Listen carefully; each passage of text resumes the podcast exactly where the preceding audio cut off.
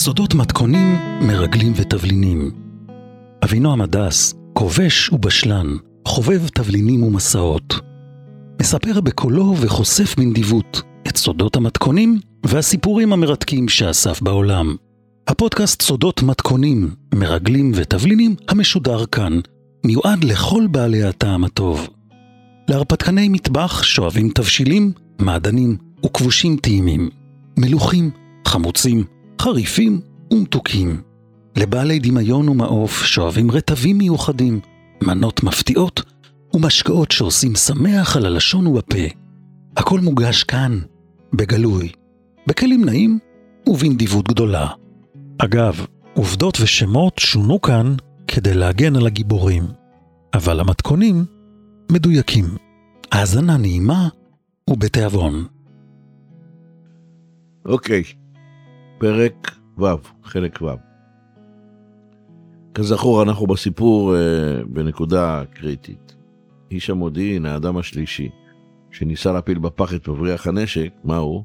שוכב עכשיו בבית חולים, לאחר שנשדד ונחתך באכזריות בסכין בצווארו. נדקר בחזה ובבטן, החיים שלו בסכנה. הצייד, האדם השני, נמצא בהיכון ומחכה להוראות ולמידע שיעזרו לו לבצע את המשימה. והאדם הראשון, האדם הרע, האיש הרע כרגיל, נעלם אי שם עם מזוודה של כסף גנוב ועם אחת האוניות שלו, או אולי לא, ואני. אני שיש לי תפקיד מאוד מאוד קטן כצופה, ואחר כך אני זה שמספר בקולי את הסיפור. נמשיך. האדם השלישי, כריסטוס. הוא עובר בבית החולים האיטלקי סדרה של ניתוחים. הסכין אחת של ויקטור ודת החמיץ רק בנס את האיברים החיוניים. תשמע, בצוואר החמיץ מלרסק את קנה הנשימה שלו במילימטר. בגוף הסכין עבר מילימטרים מאחת הצלעות והלב. הרופאים האיטלקים עשו עבודה טובה, וחייו של ראש המחלקה למלחמה בטרור של שירות המודיעין הממלכתי ניצלו. ההחלמה שלו ארוכה, אבל ההתאוששות ארוכה עוד יותר.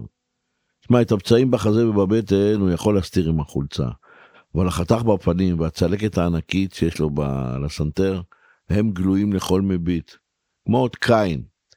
אבל אתה יודע מה, עם זה הוא יכול פחות או יותר להשלים, אבל הצלקת הפנימית, הצלקת באגו, בגלל הכישלון, בואנה, הצלקת באגו היא הפצע שהכי מציק לו. זה הפצע שממנו אפשר יהיה להתאושש רק אחרי נקמה. רק אחרי נקמה, כי הכעס בוער בו. כעס בוער בו מאוד. וכריסטוס מבריא אה, לאט. רוב הזמן הוא שותק. יש לו חדר שמור בקצה המסדרון של החלמה, המחלקה הכירורגית אה, בבית החולים אצלו בעיר. אחרי חודש וחצי, פחות או יותר, אם אני זוכר נכון, העבירו אותו באמבולנס הביתה, זו הייתה נסיעה ארוכה, הוא שכב על המיטה באמבולנס בשקט ובעיניים בועות. בבית, עם כפכפים ומכנסיים קצרים, הוא הסתובב כמו אריה בכלוב. סובל מכאבים, סובל מתסכול, ממתין להבראה. בינתיים הוא מתעדכן על ידי חברים בשירות ובעיקר מתאמן במשקולות, תרגילי גמישות, תרגילי כוח. אפילו התחיל לרוץ מסביב לבניין, מסביב לבית איפה שהוא גר, זה בקרבת חוף הים. הוא מתאמן יום יום ומצפה לקריאה. אחרי שנה, אתה שומע? שנה של התאוששות והחלמה, אישרו לו הרופאים פעם ראשונה והמפקדים שלו לחזור לעבודה. תעשה צעד צעד אמרו לו. בשל הפשלה, לכאורה, שהייתה, ובגלל המצב הרפואי שלו, הוא מוצב לעבודה רק בתוך המדינה. השירות, הבוסים שלו, נמנעו מלהציב אותו לשליחויות בחו"ל, מה שהוא היה עושה קודם הרבה. הוא עושה פה תפקיד קטן, שם איזה תפקיד, לאט לאט בעזרת עמיתים וחברים ותיקים בשירות. מחליטים אה, למנות אותו אה, לשמש מדריך ראשי בבית ספר למודיעין שביקשו ממנו להקים, בתוך הארגון. בעודו עסוק בהקמת בית ספר למודיעין, הצורך בנקמה ממשיך לבעור בו. לכן הוא ממשיך לטפח אה, את הקשרים שלו עם בכירים בארגונים ועם עמיתים במדינות אחרות, הכל במטרה למה? לשמור על קצה החוט שיאפשר לו להגיע יום אחד פעם נוספת אל ויקטור ידידנו, אלא שהפעם, ככה הוא נשבע לעצמו, הפעם האחרון, ויקטור, הוא יהיה זה שישכב על האדמה מת. אגב, כריסטוס יודע מה שאני יודע ואתה יודע והרבה יודעים, שנקמה מגישים קרה. כריסטוס יודע שהכעס הוא יועץ גרוע, יועץ רע, אבל הוא גם מודע לעובדה שהגיל שלו לא פועל לטובתו. ממש לא, לא בידו ולא לטובתו. ברור לקריסטוס שכדי לממש את הנקמה הוא זקוק לשותף. You got a friend, you need a friend, הוא זקוק לעמית. עכשיו אתה מבין מדוע ומהיכן נבראו אצלו הרצון הטוב והצורך המוזר הזה לפתע לשיתוף, לשיתוף פעולה בכלל ואיתי בפרט. אתה זוכר את המשפט המפורסם הזה? פתח מירכאות, האויב המשותף שלנו עושה אותנו אחים, סגור מירכאות. ברור שאתה זוכר, לדעתי אפילו פעם כתבת אותו בטוש שחור עבה על הקיר באחד מחדרי הברכה במשרד, אתה זוכר? אני צודק? אה, אתה צוחק, יפה מאוד. אוקיי, ובינתיים מה עם ויקטור?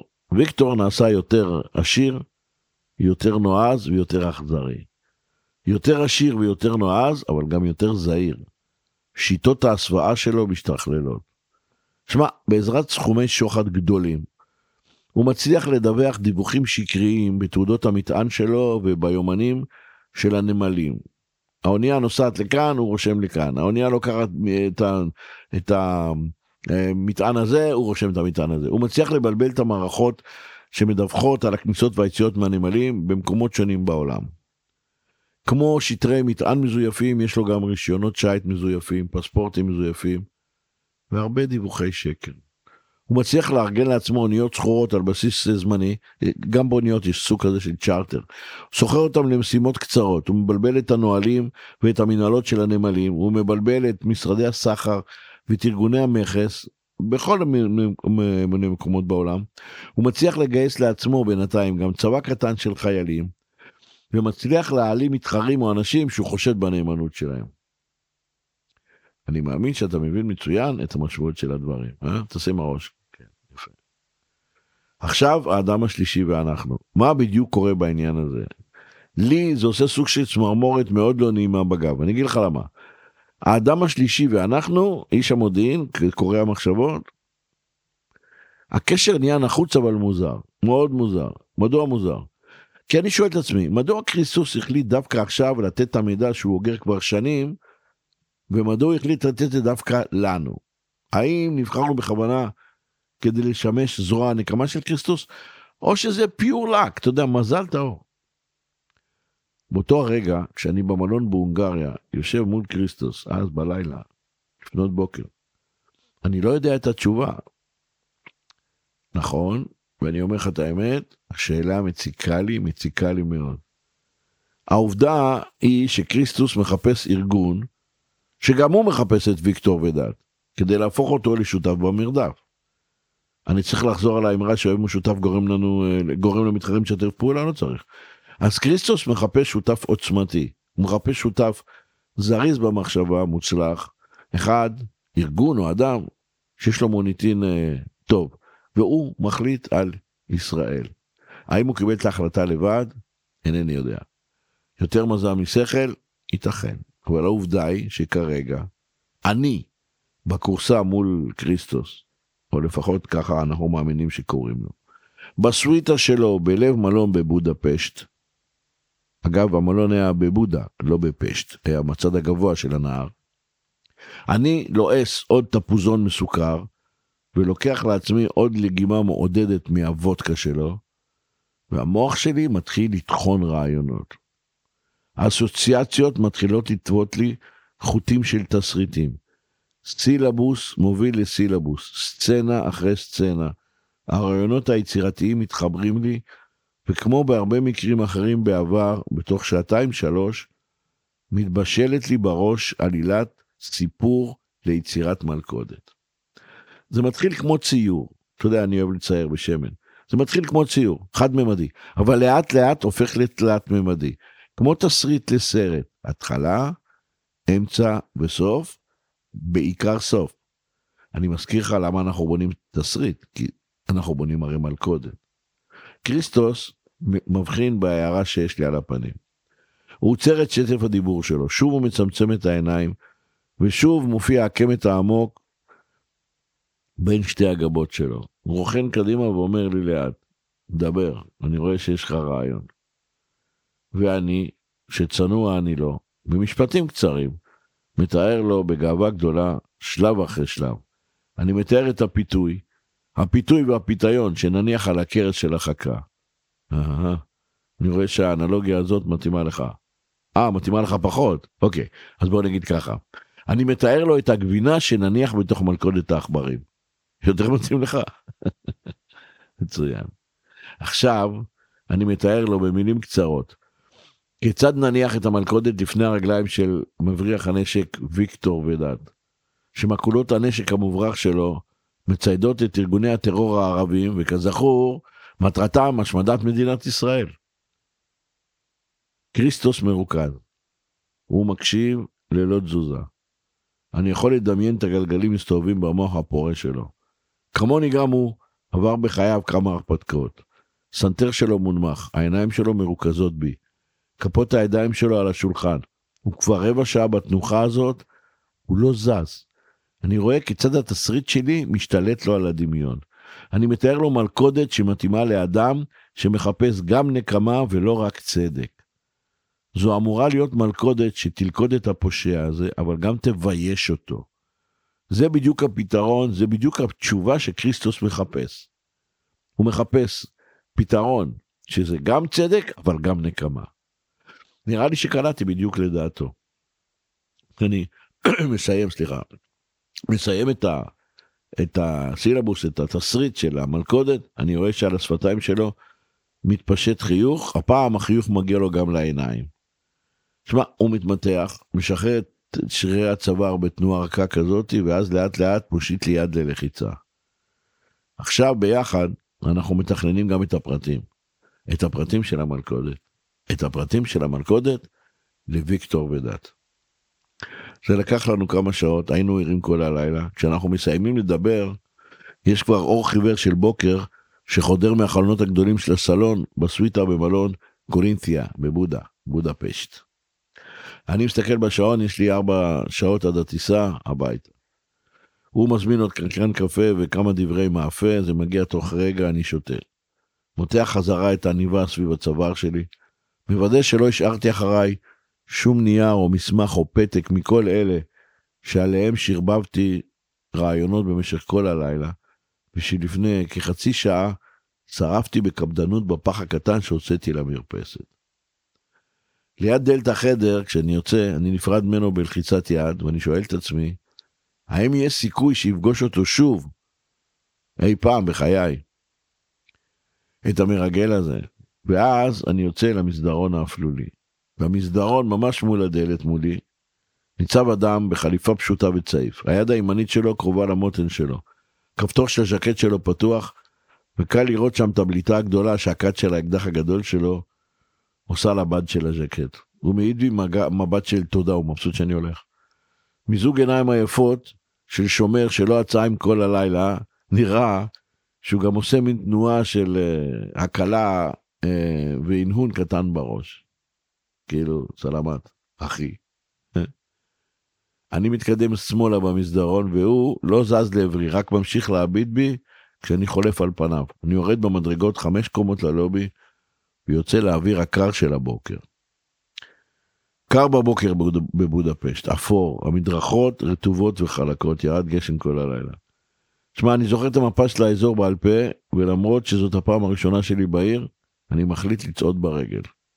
הייתי מוכרח להתאוורר, גם מהאלכוהול וגם מהעבודה הקשה כל הלילה. אה, בערך רבע שעה מאוחר יותר, 20 אה, דקות, אני ליד תחנת הרכבת התחתית, ואז אני רק מעז לסמן למונית השלישית שעברה שם, שתעצור לי. כשעה וחצי מאוחר יותר, אני בשדה התעופה על שם פרנץ ליסט, שדה התעופה הבינלאומי של בודפשט. באולם הנוסעים, היוצאים, איפה שאני עומד, אני שוב מחפש סמ"כים, סימנים מחשידים. האמת, לא מזהה שום דבר חריג, אני כבר גם עייף. אני מזכה את החדר, כלומר החדר נקי, הכל טוב בשבילי, מעט אנשים. אני מתיישב להירגע כשהתיק הקטן על הברכיים שלי. כמה רגעים יותר מאוחר אני קם ומטלפון ציבורי ליד הדיוטי פרי הקטן, אתה זוכר שם בצד ימין, כל הדוכנים שלו, דרך אגב, היו עוד סגורים מהמוקדם בבוקר. אני עושה שיחה גוביינה למשרד בתל אביב. אני מזדהה בפני התורן שעונה לי, והוא מקבל את השיחה, והוא גם רושם ללא שום תגובה את ההודעה שלי. פתח מירכאות. נפגשתי עם ספק, יש סחורה במחיר טוב, לחצנו ידיים, אני בדרך חזרה, סגור מירכאות, ואז אני מנתק, מת לישון. ואכן, כל הטיסה חזרה לארץ, ישנתי. אחרי הנחיתה בבן גוריון הלכתי לאט למכונית שלי שחנתה בחניון לטווח קצר. אתה זוכר היה חניון רחוק כזה אז עוד היה קומה אחת. רק אז במכונית כשאני סוגר את הדלת ומניע את האוטו ומדליק את החימום הרגשתי שחזרתי הביתה רק אז הרגשתי מוגן. אגב ארוחת צהריים מאוחרת כבר אכלתי בבית בתל אביב. בערב כשהזיכרון עוד טרי לי בראש התיישבתי לרשום על נייר את כל הרעיונות וכמובן את החלק שתרם כריסטוס. ב-11 בלילה אני מצלצל שוב, וחצי שעה מאוחר יותר, מגיע אליי הביתה שליח בקסדה ומיל רוח, לוקח את המעטפה האהבה ומעביר את המסמך שכתבתי לאיש שמחליט. עברו יומיים והוזמנתי שוב לחדר הגדול להציג את הרעיונות שלי. גם רעיונות, אולם בעיקר לספר על הפגישה שלי עם האדם השלישי, על ההתרשמות שלי ממנו. האיש שבינינו היה אגדה. סיפרתי גם מה קרה וגם מה אני מאמין או חושב על כך. אגב, בחדר היו הרבה נוכחים כרגיל, כמה מנוכחים שהרביטו מילים במחברות שלהם, אין לי מושג מה הם כתבו. היו כאלה שרק העיפו מדי פעם מבט אחד על השני, מבט של משמעות. אנליסטים, אתה יודע איך זה. היתר רק הקשיבו, מכבדים את המשימה שלי ובעיקר את העייפות שלי. נמשיך, נמשיך. אגב, כמה מילים על הצייד, על האדם השני. בדיעבד, מה שאני מבין היום, שבאותה פגישה אז, שם, ביום ההוא, בחדר הגדול, ישב בחדר גם האדם השני, הצייד. אני מודה, הייתי כל כך גאה בעצמי וכל כך מרוכז במשימה ובתיאור הרעיונות שלי, שאני בקושי זוכר מי היה נוכח שם בחדר, אני לא זוכר את הפנים. חוץ מהאדם שמחליט ועוד שני מתדרכים שהכרתי מהפגישה הקודמת שלי לפני שנסעתי. את יתר חמשת או שבעת האנשים אני פשוט לא זוכר, אוקיי? בסדר. עכשיו שמע, מעכשיו אני ממשיך את הסיפור ואני מצהיר שמה שאני יודע, כל העובדות, או חלק מהעובדות, אלה עובדות מיד שלישית או רביעית. אין לי אחריות על העובדות. תרצה תאמין, לא תרצה תדמיין. בסדר? סיכמנו. תעשה עם הראש כן. אוקיי, עשית. אני ממשיך. ויקטור, ויקטור ודת. לוויקטור ודת, כך מספרים, יש אדם אחד שעוזר לו. אדם אחד שהוא אסף לפני כמה שנים, מאיזו אונייה שהוא קנה בכמה עשרות אלפי דולרים, איזה תעשיין דגים, שהזדקן בטורקיה מכדי לעסוק בעסק שלו, לא רצה את האונייה, הוא קנה את האונייה ממנו. הגבר הצעיר הזה, העוזר שלו, היה מכונאי אצלו באונייה. מאז שוויקטור פגש אותו, הוא קורא לו צ'ימני, ערובה. למה? גם בגלל העבודה שלו, גם בגלל שהוא מעשן המון, אבל בעיקר בגלל הבעת הפנים האפלה שיש לו. יש לו הבעת פנים של אדם שמוקף בעשן שחור. למי שמביט בו מהצד, נראה תמיד כאילו האיש הזה חורש רע. אולי בזכות זה ויקטור כל כך חיבב אותו אז, מחבב אותו עד היום. סיפרו שהשנים קרבו ביניהם. צ'ימני, הערובה, נחשב בעיני ויקטור נאמן, וככזה מסוגל לעשות עבורו הרבה. ככזה, כנאמן, הוא נמצא עם ויקטור ברוב הנסיעות והפלגות שלו ועובר איתו מאונייה לאונייה. בחודשים האחרונים, אז, הם באונייה שעל הירכתיים שלה רשום באותיות לבנות השם לליסה, L-A-L-I-S-A, לליסה. אתה יודע מה? לפחות כרגע. ערב אחד, צ'ימני, הערובה, נכנס לתא של ויקטור באונייה ורומז לו באצבע על השפתיים, ששש, תחריש, אל תדבר. אחר כך הוא מסמן לו לצאת, והוא מסמן לו עם היד שניים, בוא נצא ביחד. הם יוצאים החוצה ונשענים על המעקה בירכתי האונייה, הם מביטים אל הנמל ואל המים השחורים, ומחליטים שזה המקום הטוב ביותר לדבר כשלא ישמעו אותם, להימנע מציטוט. צ'ימני מספר לוויקטור, ככה שמועה מספרת כמובן, לא אני. אתה זוכר? אוקיי. צ'ימני מספר לוויקטור, ככה שמועה מספרת, שבמקרה לגמרי, הוא נתקל בבר שהוא אוהב לשבת בו, בחלק הדרומי של העיר, הוא, הוא נתקל בבר שם באיזה גבר שחור אפריקאי, שישב על הבר שיכור, ובין שתי הידיים שלו החזיק ארנק תפוח ומחוזק בגומייה. הערובה, הצ'ימני מספר לוויקטור ששם בבר, הדבר הראשון שהוא עשה, הוא התחיל לחשב דרך איך לגרום לאפריקאי הזה, פתח מירכאות, לאבד את הארנק השמן שלו. הארנק הזה שהיה מונח על ידו על הבר, הוא ראה שהוא שיכור. ולכן, מה הוא אמר? הוא אמר, אני אשב על ידו, אני צריך לפטפט איתו, באיזשהו... הזדמנות, אני ארים לו את הארנק ואני אסתלק. התחיל לפטפט איתו, שיחה של ימאים. אבל אז הוא אומר להפתעתו, האפריקאי השתוי, מספר לו שיש לו משימה סודית. השיכור מגלה שעליו למצוא עבור איזה גבר בלגי, אונייה שיכולה להבריח אותו עם איזה מטען קטן למערב אפריקה. רצוי הרחק מעיני המשטרה. הבלגי הנמלט הזה, כך מספר לו האפריקאי, מוכן לשלם הון, וכדי להוכיח את זה, הוא מוציא מארנק, מראה לצ'ימני לערובה, מראה לו חמישה שטרות של 100 דולר, שהם גזורים לחצי, ואומר שהוא יקבל את החצי השני אחרי שימצא לבלגי אונייה. צ'ימני מבטיח לאפריקאי עזרה, אומר לו בוא קח אותי לבלגי, נמצא לו ביחד את האונייה, אני מבטיח לך שאני מוצא לך את האונייה, אתה מרוויח את ה-500 דולר, אני אפילו לא רוצה כסף. האפריקאי מתנדנד, והם צועדים מרחק קצר בסמטה של דרום העיר אל המלון איפה שהבלגי הזה מתגורר. ארובה מספר לוויקטור שהפגישה עם הבלגי הייתה מאוד קצרה ומאוד מוזרה. הוא אומר ככה, אומר, אומר לו צ'ימני, פגשתי גבר מאוד מרשים, מוצק, לבוש היטב, נעליים טובות, חליפה נקייה, שעון מוזב, שתי טבעות יפות. על יד שמאל, משקפיים ממסגרת משריון צו, נראה בן אדם עמיד, מדבר אנגלית טובה וכמובן צרפתית, צרפתית מצוינת, אומר לו, צ'ימני, היה לו מבטא אריסטוקרטי, לא של איזה פרחח מדרום צרפת, מבטא צרפתי אריסטוקרטי. הבלגי מספר לצ'ימני, ככה צ'ימני מספר לוויקטור, שהוא צריך אונייה של 40 עד 50 אלף טון, להוביל מטען מסוים, פחות או יותר מנמל בהודו, בסביבת הודו, למערב אפריקה. לחשאיות, כך אומר הבלגי, יש חשיבות גדולה מאוד. לטענתו, בגלל מתחרים. ואז אומר אה, צ'ימני לוויקטור את מה שהוא נורא רצה לשמוע. הוא אומר, הבלגי אמר שהוא מוכן לשלם היטב סימן קריאה. וכשהוא אומר היטב סימן קריאה, הוא מרים את שתי הגבות שלו גבוה. לשלם היטב. לקפטן, לקברניט, שיעשה לו את העבודה. הערובה מריח כאן רווח פצצה. הוא זונח מיד את הרעיון לשדוד את האפריקאי השיכור.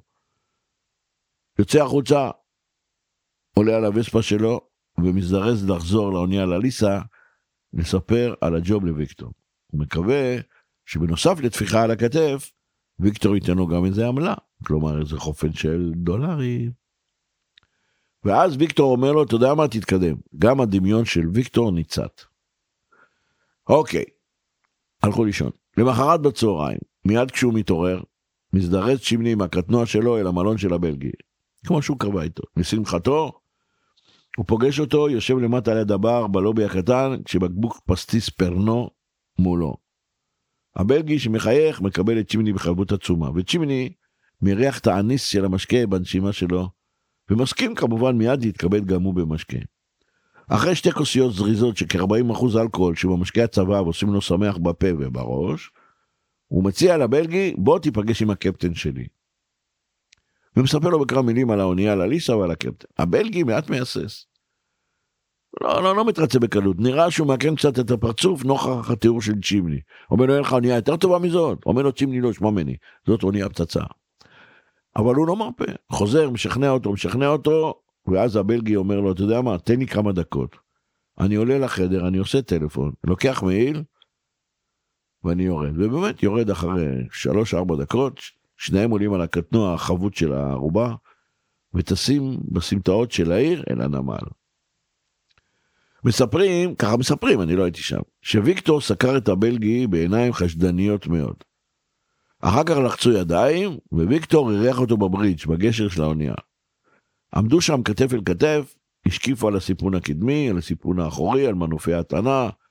אחרי זה ויקטור לקח את הבלגי, ירדו לחדר המכונות, הראה לו את חדר המכונות, הראה לו את חדר הקשר, הראה לו כמה מחסנים בבית האונייה. מספרים שהבלגי בהתחלה היה מאוד ספקן. הוא בעל המטען, הוא בעל המאה, הוא בעל הדעה. והוא אמר לוויקטור, אתה יודע מה, לא, לא בטוח שאני אוהב את האונייה שלך. ויקטור ממש פחד שהוא הולך לאבד קליינט. היה צריך להתאמץ מאוד לשכנע אותו שהנייר שלו ראוי למסע שהבלגי מבקש לבצע. ואז הם חזרו למשרדון של ויקטור שהיה צמוד לגשר האונייה. שמה, נוכח בקבוק של קוניאק הנסי, הבלגי התרצה. הביט בוויקטור דרך עיניים מצומצמות, ואז לפתע הושיט לו יד ללחיצה. מאוחר יותר סיפר ויקטור שהיה מאוד מופתע מלחיצת היד הפתאומית, ובעיקר הופתע מגודל כף היד של הבלגי. הוא אמר כף יד גדולה, חזקה, ענקית, עם אצבעות גדולות, ולחיצה מאוד מאוד חזקה. ויקטור גם שם לב שהכתפיים של הבלגי, של האורח, רחבות מאוד, ובעוד המוח שלו עסוק בתכנון עסקת ההברחה, ושהוא, אה, איזה, איזה, איזה סוג של עסקה הוא הולך להציע, אה, עברה בו גם המחשבה שהאורח שלו, פיזית, גופנית, הוא אדם מאוד אתלטי. פתאום הוא שם לב, בוא'נה, הוא אדם גבוה, חזק ומוצק. לא, יש אנשים שלא רואים עליהם שהם חזקים ומוצקים, פתאום אתה שם לב. אוקיי. אה, אתה יודע, הכל בחסות האלכוהול מצד אחד, ובחסות ההתחנחנות של צ'ימני. לאף אחד לא הייתה שם סיבה לחשוד בכלום. השלישייה הזאת הייתה תחושה, לשלושתם, שהנה מתחילה איזו עסקה מצוינת ואולי אפילו ידידות.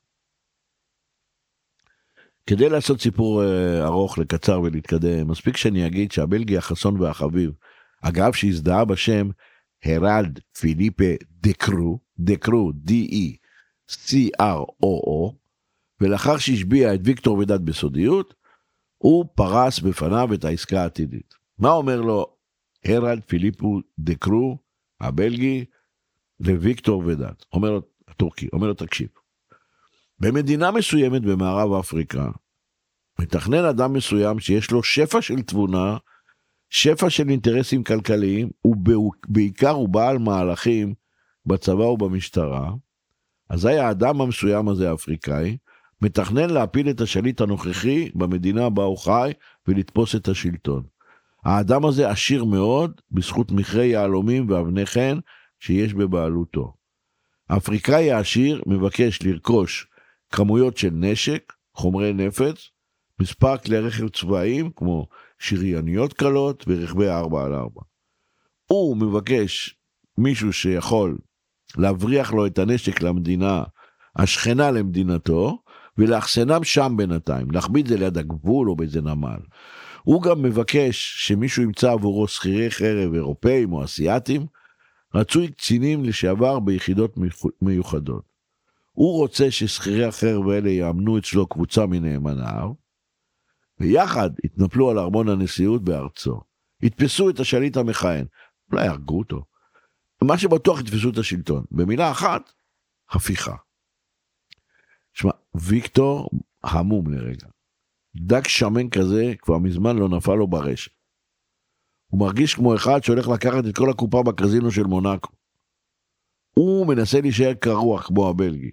הבלגי, הרלד פיליפה דקרו, מתנהל לאט. זה גבר שמדבר לאט, הולך לאט, שותה לאט את הקוניאק היקר של ויקטור. אתה יודע, ויקטור חש משום מה, משום מה, סוג של קרבה אל הגבר הגדול והשקט הזה, שהכיר רק לפני כמה שעות. התחושה הזאת די מבלבלת אותו. שמע, בדרך כלל הוא אדם חשדן, אבל כאן, משהו קורה לו. הבלגי הזה, האיש הזה, מלא כריזמה. ויקטור חש אליו סוג של ידידות שחשים אל חבר חדש. כימיה. הבלגי, אגב, הרלד פיליפה דה קרו, שם לב מיד שוויקטור משתעשע כל הזמן ביד שמאל בסוג של שרשרת כסף עבה וקצרה, שאליה מחובר טיליון ועליו המספר, נכון, 55, 55. הבלגי גם שם לב שכשוויקטור מוציא קופסת קאמל מהכיס שלו ומוציא סיגריה, הוא קורע חצי ממנה, זורק חצי סיגריה למעפרה, ומצית את החצי על ללא הפילטר, שהוא תוקע בין השפתיים שלו. ואז הוא חוזר וממשיך להשתעשע בשרשרת עם המדליון ביד הפנויה שלו, על המדליון מה כתוב? נכון, חמש חמש.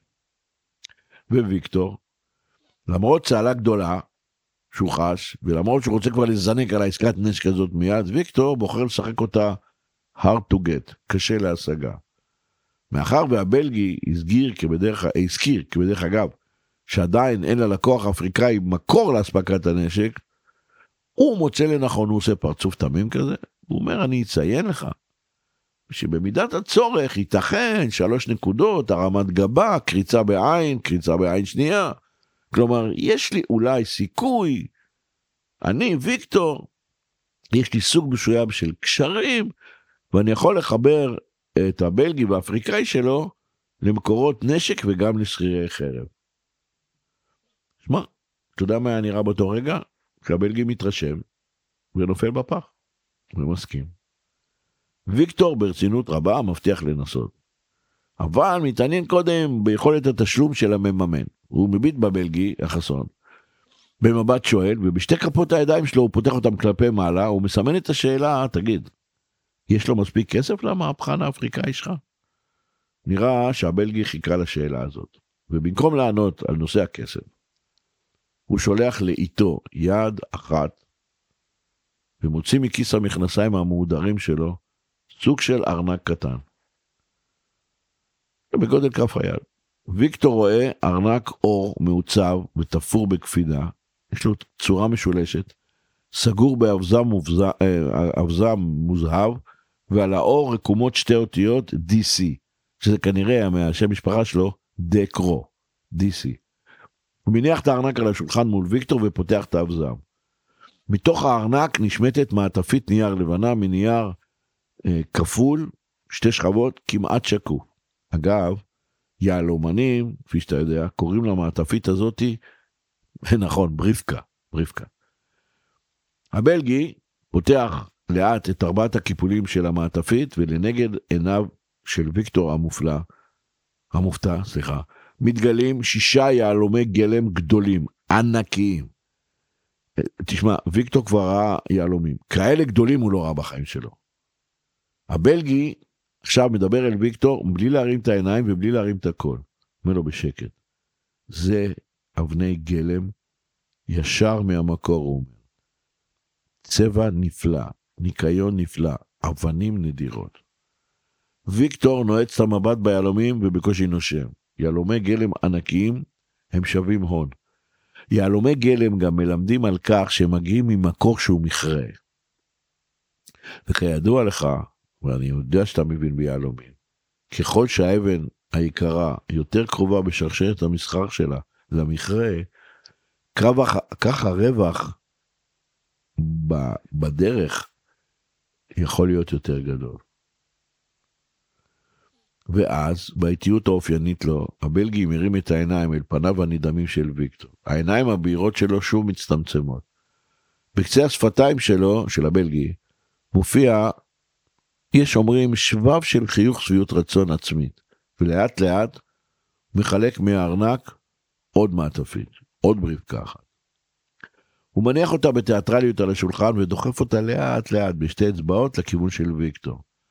ויקטור מביט בו מוקסם, וכאילו בשאלה אילמת, כאילו, מה העניינים? והבלגי מהנהן כאילו נותן לו רשות. ואז ויקטור שולח יד אחת ופותח את הקיפולים של הבריפקה.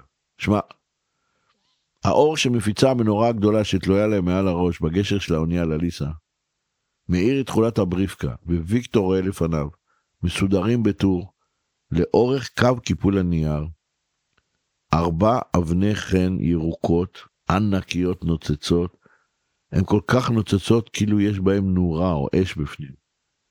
הבלגי לא זז ולא מדבר, נותן לוויקטור להתרשם. ויקטור באמת עמום מהגודל ומהאושר של האבנים. שמע, אומרים שהייתה שם חצי ש... דקה של דממה. הב... הבלגי מסתכל ו... וויקטור המום. הבלגי מחייך אל האבנים המרחיבות שלפניו ואומר לוויקטור בשקט הרגיל שלו, אמרד, ניקיון נדיר, האבנים האלה מהמכרה של ההוא. וכשהוא אומר ההוא, הוא מרים את הגבות, מרים את הפנים ומביט בסקרנות ומקרוב, הישר אל עיניו של ויקטור ושותק. שמע, ויקטור מתקשה להסיר את העיניים מאבני החן. היד שלו שהשתעשעה כל הזמן במדליון 55 שלו, קפאה. הבלגי ממשיך להביט בו בשתיקה ואז מוסיף. יש לידידנו המון יהלומי גלם נפלאים. ואבנים כאלה ואחרות, ואפילו יותר גדולות. המון, המון, המון. וידידנו האפריקאי ישמח לשלם בעד הנשק ובעד האנשים באבנים כאלה מהמכרה שלו. ויקטור, ככה מספרים, הרגיש צמרמורת בגב. מכה כזאת? הוא חולם על מכה כזאת כבר שנים. ואז בזריזות הוא מסיר את העיניים שלו לרגע מהיהלומים, והוא מוזג לכוסות עוד בנה של אלכוהול. עכשיו הוא מכיס עם הבלגי והם שותים בלגימה אחת. הוא פונה אל צ'ימני ומבקש את צ'ימני שעמד בצוד עמום גם הוא היה עם העיניים שלו על האבנים. מבקש תקרב אליי את התיק מסמכים המתכתי שנשען שם על הקיר מתחת לחלון שפונה אל הסיפון הקדמי שמואר עכשיו ומוקף במנופים צהובים. צ'ימני מביא לו את התיק, אה, ויקטור פותח את התיק, שולף משם מחברת ואת נובע כסוף. הוא מבריג את המכסה החוצה, נוטל את העט, מרים את העיניים, מרים את הגבות בשאלה, ומביט הישר לתוך עיני האורח. הבלגי הבין את הרמז. ואז הוא רואה שהוא מחכה עם אה, מחברת ועט. בקול שקט הוא מתחיל לפרט את הסחורה שהוא התחייב לספק ללקוח האפריקאי שלו. הוא מדבר וויקטור רושם. אתה גם רוצה לרשום? תרשום. 500 רובי שק, קלצ'ניקרוב ואלפי ארגזי תחמושת. רשמת? הלאה.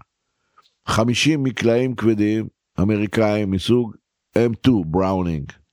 בישראל קוראים לזה 05. אתה מכיר את זה 05? יפה מאוד. M2 בראונינג. חצובות ל-M2, חצובות נקראות 3M. אגב, וכפי שאתה יודע, M2, 05, זה אחד המקלעים הוותיקים והנפוצים בעולם. הוא נכנס לשירות בשנת 1932, הוא נמצא בשירות מבצעי גם בצה"ל עד היום, גם בצבא ארצות הברית, בבריטניה ובעוד צבאות אחרים. עכשיו, זה מוזר שאפריקאי מבקש את הנשק הכבד הזה, כי זה נשק למלחמה, זה לא נשק כדי לכבוש ארמון נשיאות במדינה אפריקאית, שהשומרים יש להם אולי תת מקלעי ואקדח, אולי יכול להיות חץ וקשת. טוב, זה מה שהוא מזמין, אתה רושם? תרשום. הבלגי ממשיך להכתיב, וויקטור כותב, עשר שריוניות קלות מתוצרת פן-הארד. זה צרפתי. זה אמ, שריונית פן-הארד, יש לה תותח 20 מילימטר, מרגמה 60 מילימטר, ושני מקלעים מאג, שזה 7.62, אתה זוכר? והוא רוצה גם מאות רימוני הלם ורימוני רסס. הלאה. אתה רושם?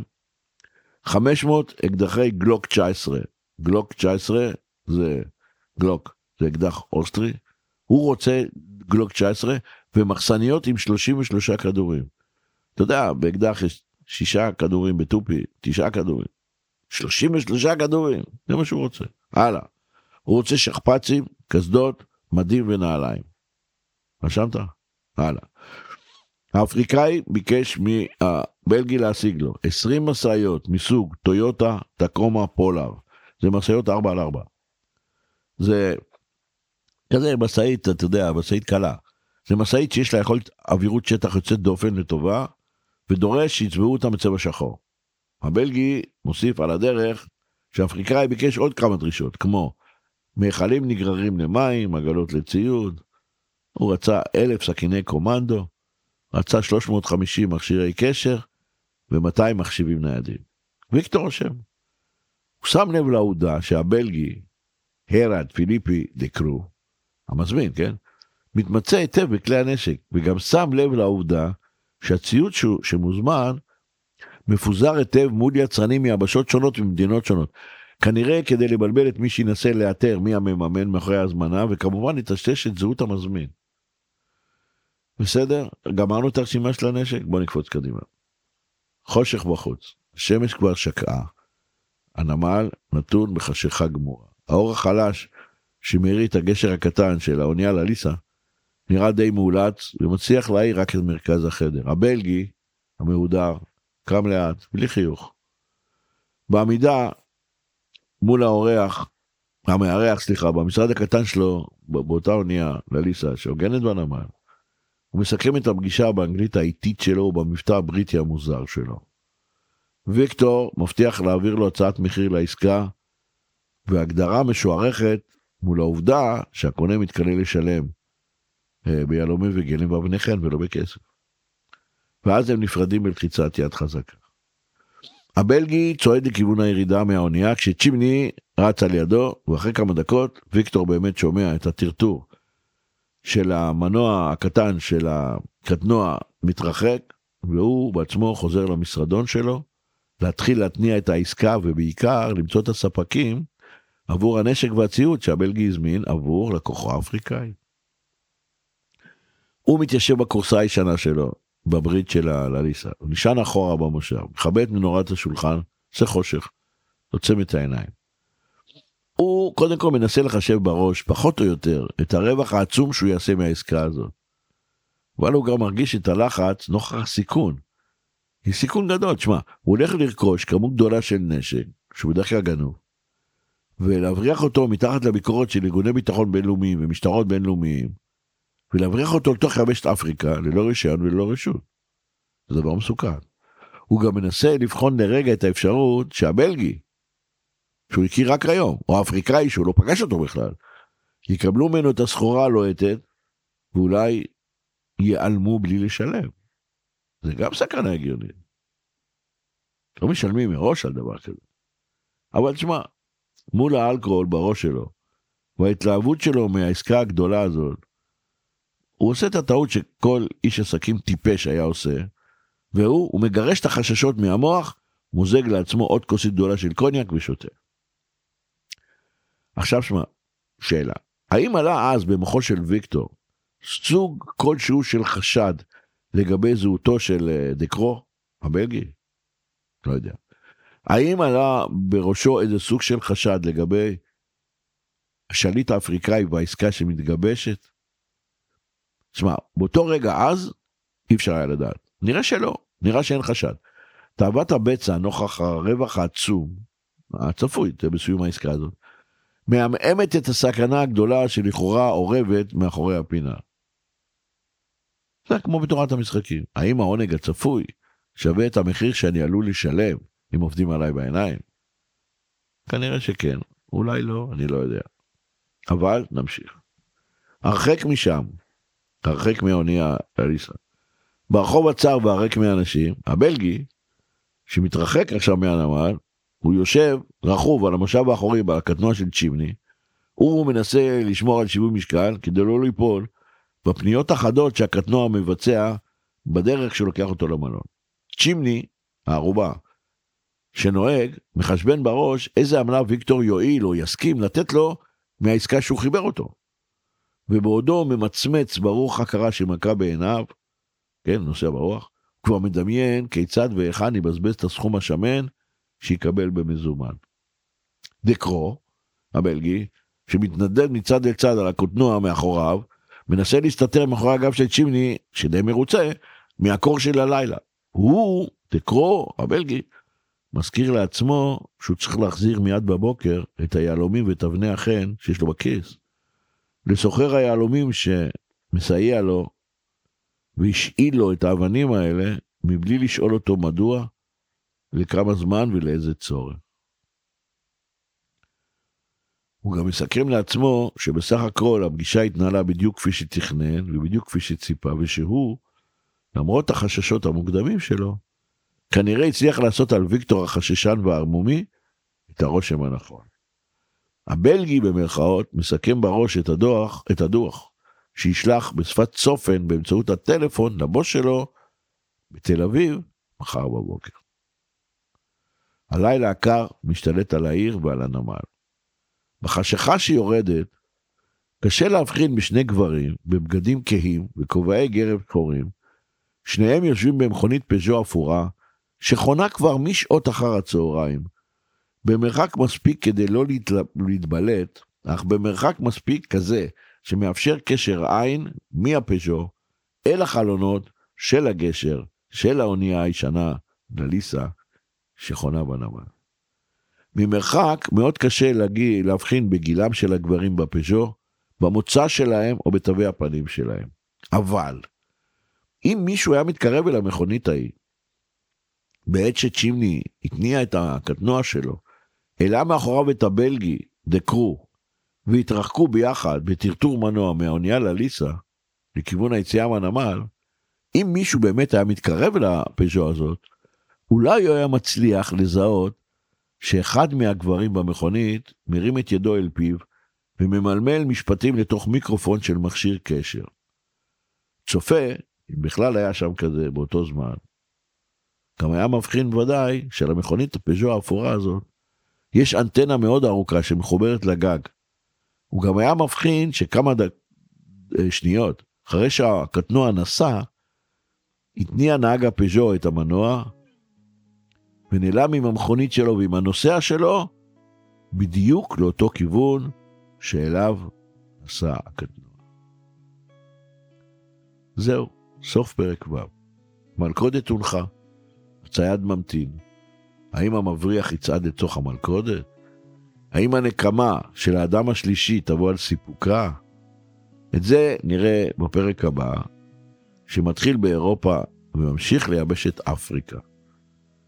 ואתה, שיושב כאן מולי, ועוזר לי להיזכר ומהנהן לי בראש, כן או לא, אה, תשמור על עצמך. ואתם המאזינים אגב, תעשו עוקב כדי שתוכלו להתעדכן. תודה לכם על ההאזנה, וניפגש בפרק הבא.